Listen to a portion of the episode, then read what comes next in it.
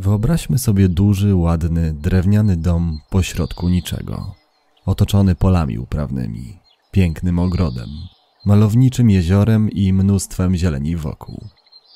A teraz dodajmy do tego sześcioosobową rodzinę muzyków, żyjącą według bardzo restrykcyjnych zasad, które, jak okaże się później, niektórym zaczną przeszkadzać.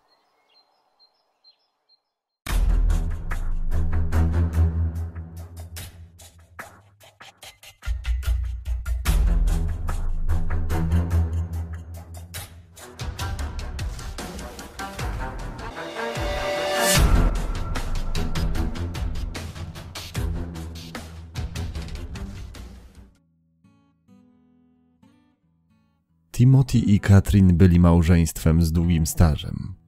Poznali się jeszcze w koledżu, gdzie połączyła ich miłość i pasja. Oboje studiowali bowiem rolnictwo. Los chciał, że któregoś razu wpadli na siebie na jednym z posiedzeń klubu agronomicznego. I tak już zostało. Zaczęli się spotykać, a wkrótce wzięli ślub.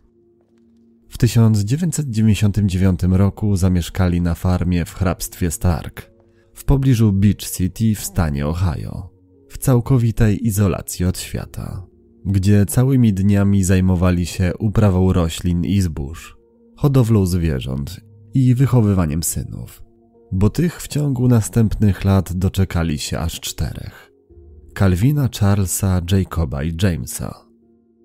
Wszyscy chłopcy okazali się bardzo umuzykalnieni, dlatego gdy trochę podrośli, wraz z rodzicami w 2004 roku założyli rodzinny zespół bluegrassowy Stockdale Family Band, grający muzykę przypominającą country, z domieszką instrumentów takich jak gitara, na której grał Tim, banjo, na którym grał Calvin, mandolina, którą obsługiwał Charles, skrzypce i kontrabas, na których grali kolejno Jacob i James. Matka była ich menadżerką. Wydawali się być idealną rodziną, żyjącą sielankowym życiem na wsi, spędzającą ze sobą każdą wolną chwilę, wspólnie koncertującą po okolicznych stodołach, biorącą udział w regionalnych konkursach muzycznych. Tymczasem wcale tak nie było, bo życie chłopców wcale nie przypominało życia, jakie wiedli w tym czasie ich rówieśnicy. Rodzice wychowywali ich tak bardzo konserwatywnie, że ich zasady wychowawcze wzbudzały wręcz powszechne zdumienie. Tim i Katrin byli bowiem głęboko religijni i te wartości wpajali swoim dzieciom wręcz obsesyjnie. Nie chcieli, by chowały się w mieście, w otoczeniu obcych ludzi, których mogliby spotykać na co dzień, a którzy mogliby mieć na nich niekorzystny wpływ. Generalnie Kat i Tim chcieli swoje przyszłe potomstwo uchronić od wszystkiego, co ich zdaniem było złe od niezdrowego jedzenia, używek, niestosownych filmów i pokus, które mogłyby na nich czekać. Dlatego tuż po narodzeniu pierwszego dziecka postanowili całkowicie się odciąć, przeprowadzić się na wieś i uciec od zewnętrznego świata, który zdaniem Kati i jej męża był podstępny, przerażający i zły. Gdy na świat zaczęli przychodzić kolejni synowie, zajęła się również ich edukacją. W taki sposób pozbawiła ich jakiejkolwiek socjalizacji. Dni chłopców zawsze wyglądały tak samo, zgodnie z rozkładem dnia. Wstawali wcześnie. Około 7.30 jedli śniadanie i zajmowali się obowiązkami domowymi, takimi jak sprzątanie, bo zdaniem matki to wyłącznie oni robili bałagan. Każdy z nich miał swoje zadania. Najstarsi ścierali kurze i odkurzali. Młodsi zmywali naczynia i nakrywali do stołu. Rozwieszali pranie i czyścili łazienkę. Gdy już doprowadzili mieszkanie do względnego ładu, pracowali na roli. Oporządzali kurczaki, które w sposób ekologiczny hodowali i sprzedawali, a pod koniec dnia wraz z ojcem dostarczali lokalnym farmerom odżywki dla zwierząt. W tak zwanym międzyczasie odrabiali lekcje, które zadała im mama i przygotowywali się do występów, przygrywając na mandolinach, gitarach czy skrzypcach. Wieczorem jedli kolację i między 21.30 a 23.00, w zależności od wieku, kładli się spać. Wolnego czasu prawie nie mieli, bowiem harmonogram zajęć obejmował niemal cały dzień. od świtu do nocy. Ale gdy tylko taki znaleźli, pozwalano im na czytanie książek, wspólne opowiadanie historii przy ognisku, od czasu do czasu na obejrzenie czegoś w telewizji czy posłuchanie muzyki. Żywili się głównie tym, co urodziła im ziemia. Mięso stanowiły własnoręcznie wyhodowane kurczaki, krowy i świnie. A gdy czegoś brakowało, kupowali równie ekologiczne produkty od lokalnych dostawców. By na nie zarobić, a także by zaopatrzyć rodzinę w artykuły, których sami nie potrafili wyprodukować, a więc odzież, książki czy środki czystości, sprzedawali nadwyżkę upraw i domowej roboty odżywki dla zwierząt, a Tim podjął się dodatkowej pracy na zewnątrz, jak zwykli mawiać. Jedzenie w ich domu musiało być zdrowe i pozbawione szkodliwych substancji. Dlatego słodycze, słone przekąski i napoje gazowane były stanowczo zakazane. A gdy jakiś chłopiec w jakiś sposób je zdobył, na przykład od kogoś dostał, Kat wykupowała je od nich żetonami i wyrzucała do śmieci. Do miasta jeździli rzadko, zwykle raz w tygodniu, całą gromadą, by zakupić potrzebne przedmioty, a przy okazji skorzystać z dodatkowych zajęć, za które chłopcy płacili z własnych pieniędzy. Tych, które udało im się zarobić na sprzedaży płyt CD z koncertów i obwoźnym handlu. Starsi chłopcy zapisani byli na kurs obróbki drewna, a młodsi na zajęcia harcerskie i naukę gry na instrumentach. Częstsze wyjazdy do miasta, którego Kat szczerze nienawidziła, nie były wskazane. Głównie ze względu na koszt paliwa. No chyba, że chodziło o koncert. I tak wiązali jakoś koniec z końcem. Żyli skromnie, bez luksusów i zbytecznych przyjemności, bo te zdaniem rodziców były grzeszne. Ciężkie życie to dobre życie, mawiali rodzice, a synowie zdawali się z tym zgadzać.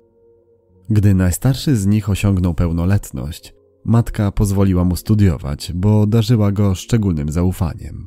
A zdając sobie sprawę, że najwyraźniej egzamin z wychowania zdała na szóstkę z plusem, bo chłopak wciąż był jej posłuszny.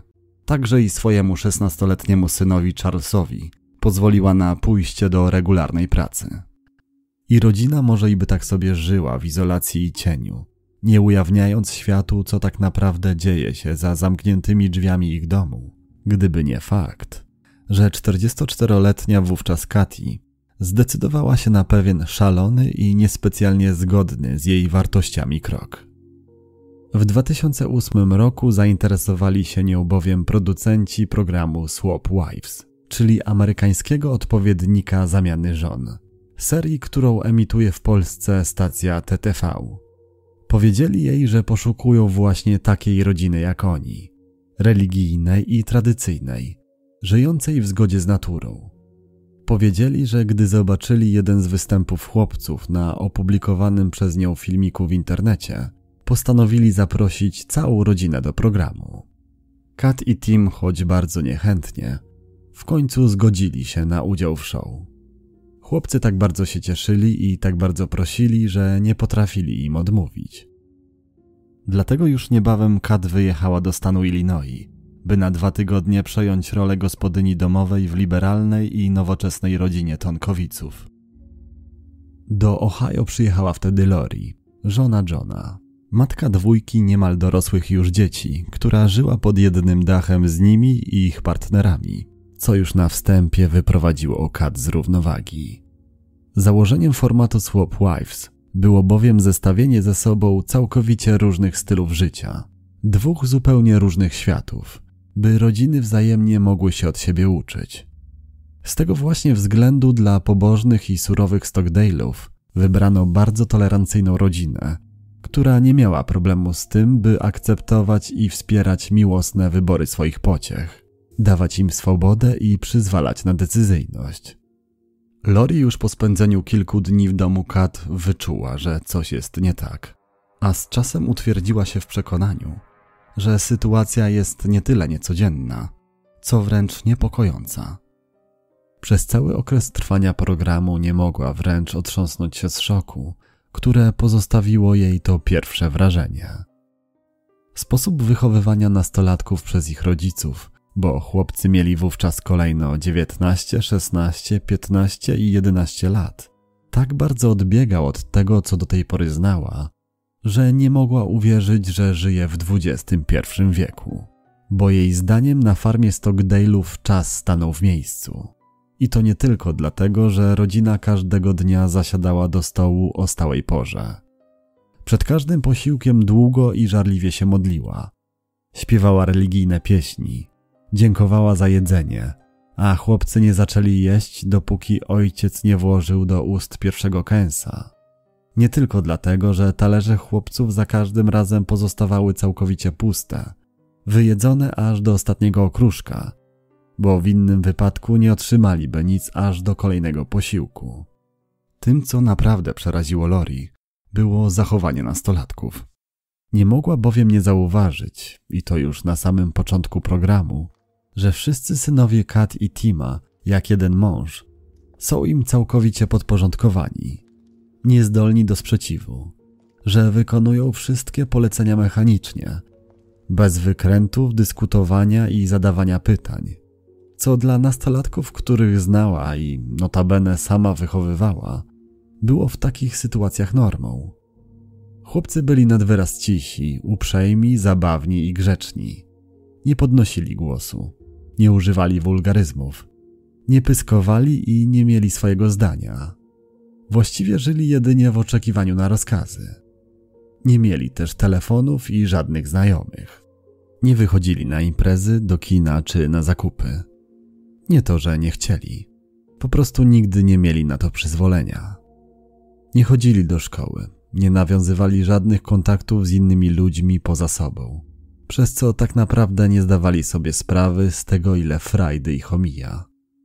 Nie pozwalano im też randkować, mimo że przynajmniej jeden z nich był już oficjalnie dorosły i z powodzeniem mógł znaleźć sobie dziewczynę. Dla rodziców jednak brak gotowości do małżeństwa oznaczał zakaz jakichkolwiek kontaktów z płcią przeciwną. Dopiero kiedy znajdę kobietę, którą będę chciał pojąć za żonę, będę mógł się z nią umówić. Powiedział jej któregoś razu któryś z nich, a Lori ugryzła się w język, by nie powiedzieć na głos, że przecież dopóki się z kimś nie umówi, nie będzie wiedział, że chce wziąć ślub. Poza tym Lori dość szybko zauważyła, że chłopcy zamiast w wolnym czasie oddawać się swoim pasjom i zabawie, ku zadowoleniu ojca, który aż zacierał ręce z dumy, całymi dniami wykonywali naprawdę ciężkie, zdaniem kobiety, prace domowe czy polowe. Zamiatali w domu i przed nim, wyrywali chwasty, kosili trawniki, karmili kury i czyścili kurniki. Pomagali ojcu we wszelakich naprawach i w obróbce drobiu. Rąbali drewno na opał. Robili to wszystko po to, by zasłużyć sobie na małe przyjemności, bowiem jak mawiała ich mama, w ich domu nie było nic za darmo. Za każdą wykonaną czynność przyznawano im pewną ilość żetonów, którą mogli później wymienić na atrakcje takie jak obejrzenie programów telewizji, pod warunkiem, że nie był to horror lub wiadomości o jakichś przykrych wydarzeniach na świecie. Posłuchanie radia, pod warunkiem, że nie był to pop czy rap, bo to zakazane gatunki, czy otrzymanie owocowej gumy do rzucia. Na wykonanie polecenia chłopcy zawsze mieli określoną ilość czasu i musieli się w nim wyrobić. A jeśli im się to nie udało, na przykład nie pojawili się na śniadaniu w ciągu czterech minut od uderzenia w gong, który znajdował się przy wejściu. Za każdą kolejną minutę spóźnienia musieli zapłacić 25 centów. Płacili z własnej kieszeni, ale nie z kieszonkowego, bo takiego nie otrzymywali. Zarabiali sprzedając drób, swoje płyty CD i grając koncerty. Co ciekawe, nie otrzymywali żadnego wynagrodzenia z reklam na YouTube, gdzie ich matka, menadżerka zespołu, bardzo często publikowała nagrania z ich występów. Kat i Tim, tak jak hojnie nagrody przyznawali, tak samo bez cienia litości je synom odbierali. Gdy nie zastosowali się do jakiegoś polecenia, zadanie jakie im wyznaczyli wykonali niechlujnie lub podjęli się go ze złym nastawieniem. Chłopcy byli tak bardzo zmanipulowani, że wręcz obsesyjnie bali się większej swobody nawet gdy opiekunów nie było w pobliżu. Pewnego dnia Lori w trakcie rozmowy z najmłodszym chłopcem zadała mu pytanie o to, co by robił, gdyby nie miał harmonogramu dnia i mógł robić wszystko, na co ma ochotę. Chłopiec lekko się zmieszał i powiedział, że nie wie. Ta rozmowa doprowadziła Lori do płaczu. Gdy już zgodnie z zasadami programu mogła wreszcie wprowadzić do domu Stockdale'ów swoje własne reguły, pozwalając chłopcom na m.in. swobodne oglądanie telewizji, surfowanie po internecie, słuchanie rapu, gry wideo i zabawę na świeżym powietrzu, a na deser jakieś słodycze czy chipsy, spotkała ją kolejna przykra niespodzianka.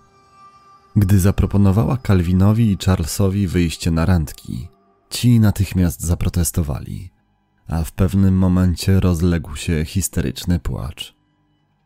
Jacob, drugi najmłodszy z potomków Stockdale'ów, ze łzami w oczach wybiegł z domu. Lori wybiegła więc za nim, a tam przeszedł ją dreszcz.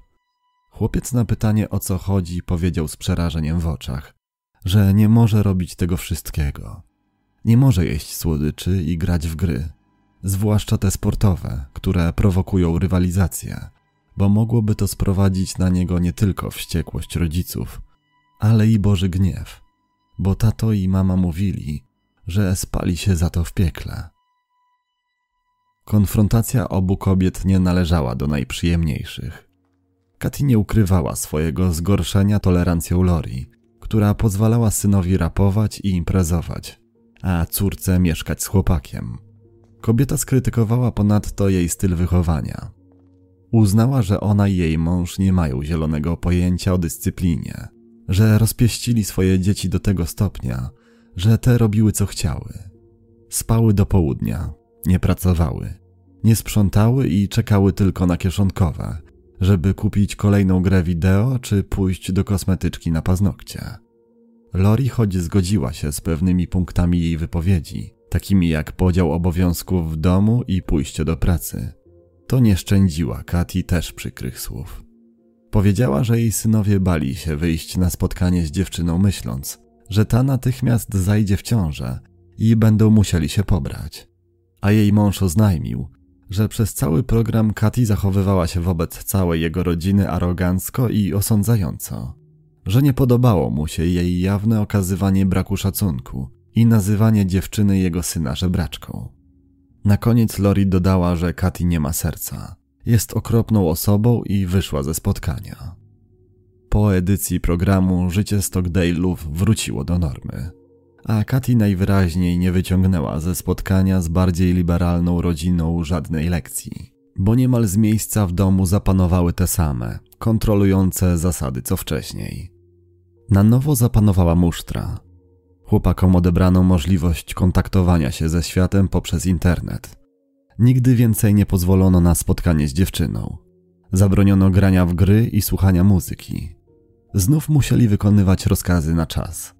Nie mogli oddawać się grze na instrumentach w ciągu dnia, a jedynie uczyć się i pomagać w gospodarstwie. Ich życie w następnych latach płynęło więc w miarę spokojnym, znanym im już rytmem. Chłopcy dorastali i coraz bardziej się usamodzielniali. Wreszcie Calvin i Charles, jako najstarsi z rodzeństwa, wynieśli się z rodzinnego domu i zamieszkali w innych miastach. Calvin ukończył historię na chrześcijańskiej uczelni Hillsdale College w Michigan, gdzie znalazł później zatrudnienie, a Charles rozpoczął studia medyczne w Filadelfii. Obydwaj założyli rodziny i doczekali się dzieci. Przy matce i ojcu pozostali już tylko 25-letni Jacob i 21-letni James. Młodzi mężczyźni wyglądali na szczęśliwych i zadowolonych z życia. James, który był taką rodzinną maskotką, kochał taniec i ludzi. Oh, come on now. You know you deserve it. A steak patty on any McDonald's breakfast sandwich. I mean, any breakfast sandwich. Biscuit, McMuffin, bagel, McGriddles, a juicy steak patty on any breakfast sandwich. And when you order through the app, buy one and get one free. Now go get them. Valid for product of equal or lesser value. Limited time only at participating McDonald's. Valid one time per day. Excludes one, two, three dollar menu. studiował na drugim roku zarządzania biznesem na Kent State University. A Jacob w stu procentach oddawał się koncertom, które choć nie było już z nimi Charlesa i Calvina, wciąż się odbywały, a grafik mieli zapełniony na całe wakacje. Wyglądali więc na takich, którzy już dawno pogodzili się z rolą, jaką przyszło im odgrywać. Nie mieli nic przeciwko temu, że do końca swoich dni mieli już żyć pod dyktando matki, która mówi im, co mają jeść, co robić i kiedy iść spać. W starszym z nich w pewnym momencie coś jednak zaczęło się zmieniać. Coś doprowadziło go do tego, że któregoś dnia nie wytrzymał i po prostu pękł. 15 czerwca 2017 roku, czwartek, Bethlehem Township, 9100 przy Dolphin Street. Tego ranka Tima nie było w domu. Około 5.30 wychodził i wracał dopiero na obiad. W mieszkaniu przebywali więc tylko Kat i jej synowie. Dzień zaczęli standardowo od codziennych porządków. Potem doglądali kurczaków, aż wreszcie matka postanowiła zająć się przygotowaniami do obiadu. Ktoś jej jednak w tych przygotowaniach przeszkodził. Jeszcze tego samego dnia, późnym popołudniem, dokładnie o 16.36, okoliczna policja otrzymała niepokojący telefon. Ktoś wykręcił numer alarmowy 911, ale po kilku sekundach z jakiegoś powodu odłożył słuchawkę, nie mówiąc co się stało i gdzie się znajduje. Jako, że numer, z którego ktoś dzwonił, był numerem stacjonarnym, niekomórkowym, policjanci szybko ustalili skąd dochodził sygnał i postanowili wysłać na miejsce patrol, by sprawdzić, czy nikomu przypadkiem nie dzieje się krzywda. Funkcjonariusze dotarli na farmę w ekspresowym tempie. Już na wstępie czuli, że coś jest nie tak, bo drzwi do rezydencji były otwarte na oścież. I jak im się wydawało, coś dużego leżało na podłodze przy samym wejściu. Gdy podeszli bliżej, zrozumieli, że w przejściu leży młody mężczyzna, który najwyraźniej potrzebuje pomocy. Już mieli się do niego zbliżyć i mu jej udzielić, gdy nagle z głębi domu rozległ się głośny hałas. Policjanci nie zamierzali się wycofywać, ale dla własnego bezpieczeństwa postanowili poczekać na wsparcie. Gdy ci już w pełnej obstawie dotarli na miejsce i weszli do mieszkania, dokonali strasznego odkrycia. W łazience na piętrze natrafili na jeszcze jedno ciało. Tym razem kobiety. Szybko ustalono, że byli to mieszkańcy posiadłości. Kat miała wówczas 54 lata, a James, jej najmłodszy syn, 21. Po krótkich oględzinach domu natrafiono na jeszcze jedną osobę. Młodego mężczyznę, który choć jego stan już na oko był ciężki, wciąż oddychał, a obok niego leżała strzelba. Jak najszybciej przetransportowano go więc do szpitala, a tam oczekiwano na moment, by chłopak doszedł do siebie i opowiedział im, co zaszło. Jacob od początku był przez śledczych podejrzewany, dlatego nie mieli żadnych wątpliwości co do tego, że był faktycznym sprawcą. Po wszystkim próbował przecież targnąć się na siebie. Poza nim nikogo innego nie było w domu.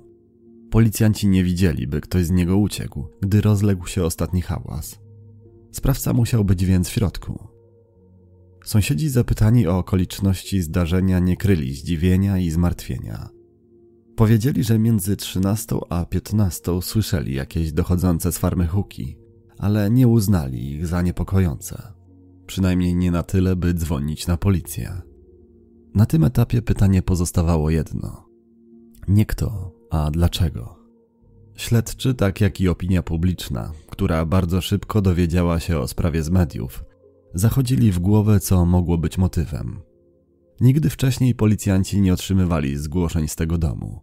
Nigdy nie byli tam na żadnej interwencji, a gdy rozmawiali z okolicznymi mieszkańcami, nie słyszeli, by ci mówili o członkach rodziny źle. Pracowali, żyli w zgodzie, byli najbardziej kochającą i godną podziwu rodziną. Jacob nie sprawiał nikomu problemów. Był dobrym dzieckiem, mówili zgodnie. Nigdy nie narzekał na zasady, jakie panują w jego domu. W wywiadzie dla jednej z gazet w 2016 roku bardzo ciepło wypowiadał się o ojcu. Wspominał, że jest dla niego i jego braci wielką inspiracją, że to dzięki niemu pokochał muzykę i zaczął grać na skrzypcach w wieku zaledwie kilku lat. Opowiadał o cudownych muzycznych wieczorkach, jakie sobie organizowali w domu od czasu do czasu. Gdy tak siadali w kółko, tato grał na gitarze, a oni wyciągali z szafek kuchennych garnki i patelnie, by mu akompaniować. Zapałem mówił o tym, że rodzice zapewnili mu czterech fantastycznych nauczycieli skrzypiec, dzięki którym zdobył nagrody w kilku konkursach, a w 2012 roku został mistrzem Ohio. Lubił koncertować i grać, ale także śpiewać, co także od jakiegoś czasu robił. Po stodołach, teatrach, kościołach, jarmarkach, bez znaczenia. Cieszył się na wszystkie wyjazdy, te okoliczne i te pozastanowe. Wydawał się być szczęśliwym młodym mężczyzną. Gdy policjanci zaczęli się jednak przyglądać bliżej jego rodzinie, zrozumieli z czym tak naprawdę mają do czynienia. Timothy, mąż Katrin, opisywał ją jako kochającą i oddaną matkę, która ponad wszystko kochała swoje dzieci, naukę i Boga. Nienawidziła cywilizacji i kultury masowej, a jej wielką pasją było prowadzenie ekologicznego gospodarstwa i życie w zgodzie z naturą. Zupełnie nie wspomniał o tym, że przy tym wszystkim Kat była też kontrolująca i dominująca. Oczekiwała od członków swojej rodziny absolutnego posłuszeństwa i bezgranicznego szacunku. Nie pozwalała swoim synom na bycie sobą i ingerowała w każdą, nawet najmniejszą ich decyzję. Twierdziła, że do szczęścia potrzebują tylko siebie, nikogo więcej. Dlatego przez lata izolowała ich od świata. I choć dwóch starszych synów w jakiś sposób ostatecznie opuściło domowe gniazdo, najmłodsi zostali przy matce i czuli się jak w pułapce. Jacob w 2018 roku został wypuszczony ze szpitala i krótko po tym, 26 września, aresztowany. Od razu przyznał się do winy, ale nie powiedział, dlaczego zrobił to, co zrobił. Jego proces rozpoczął się rok później. Niemniej nie doszło wtedy do żadnego rozstrzygnięcia. Uznano, że Jacob w trakcie zdarzenia był niepoczytalny, więc nie może odpowiadać za swoje czyny. Wobec takiego obrotu rzeczy chłopaka umieszczono w szpitalu psychiatrycznym na obserwację, ale ku zdumieniu wszystkich, jego pobyt w zakładzie wcale nie przebiegł gładko. Aż dwa razy próbował ze szpitala uciec. W listopadzie 2019 roku ukrył się w bibliotece pomiędzy regałami książek. Także personel medyczny przez naprawdę długi czas miał duże trudności w namierzeniu go. Ich zdaniem próbował zaszyć się pomiędzy książkami na tak długo, by znaleźć drogę wyjścia. Kolejna próba ucieczki miała miejsce już w miesiąc później. Jacob próbował tym razem niepostrzeżenie wtopić się w tłum ludzi kłębiących się przy wyjściu, by razem z nimi opuścić mury szpitala. W 2021 roku Jacob ostatecznie stanął przed sądem i został skazany na 30 lat więzienia. Uznano, że w chwili zdarzenia był całkowicie poczytalny. Jego ojciec i bracia w oficjalnym liście napisali, że wciąż bardzo go kochają i wybaczyli mu wszystko, co zrobił. Powodów tragedii do dziś nie upubliczniono, pozostawiając je w sferze domysłów. Jednak zdaniem Lori, uczestniczki programu Swap Wives, która w 2008 roku dwa tygodnie spędziła z chłopakiem, nie ma nad czym spekulować, bo motyw mógł być tylko jeden. Bóg daje nam wolną wolę, ale tej wolnej woli ci chłopcy nie mieli. Nie wolno im było dokonywać wyborów. Kilka razy nawet popłakałam się w programie, gdy zrozumiałam, że te dzieci nie potrafią się bawić. Jacob był stale kontrolowany. Nie mógł robić tego, na co ma ochotę. Nie mógł spotykać się z innymi ludźmi, a jego życie sprowadzało się tylko do pracy i nauki w domu. Myślę, że to właśnie to było przyczyną tragedii. Na naszym gospodarstwie żyjemy skromnie. Uprawiamy warzywa i owoce, czyli to, co głównie jemy. Odkryliśmy, że połączenie pracy na roli, muzyki, wartościowych książek i zdrowego jedzenia jest najlepszym fundamentem do wychowywania dzieci. Takie życie nie jest może najłatwiejsze, ale przynosi nam wiele satysfakcji. Pisała na profilu zespołu KAT. Dziękuję bardzo za wysłuchanie tej historii do końca. Dziękuję za wszystkie lajki i komentarze.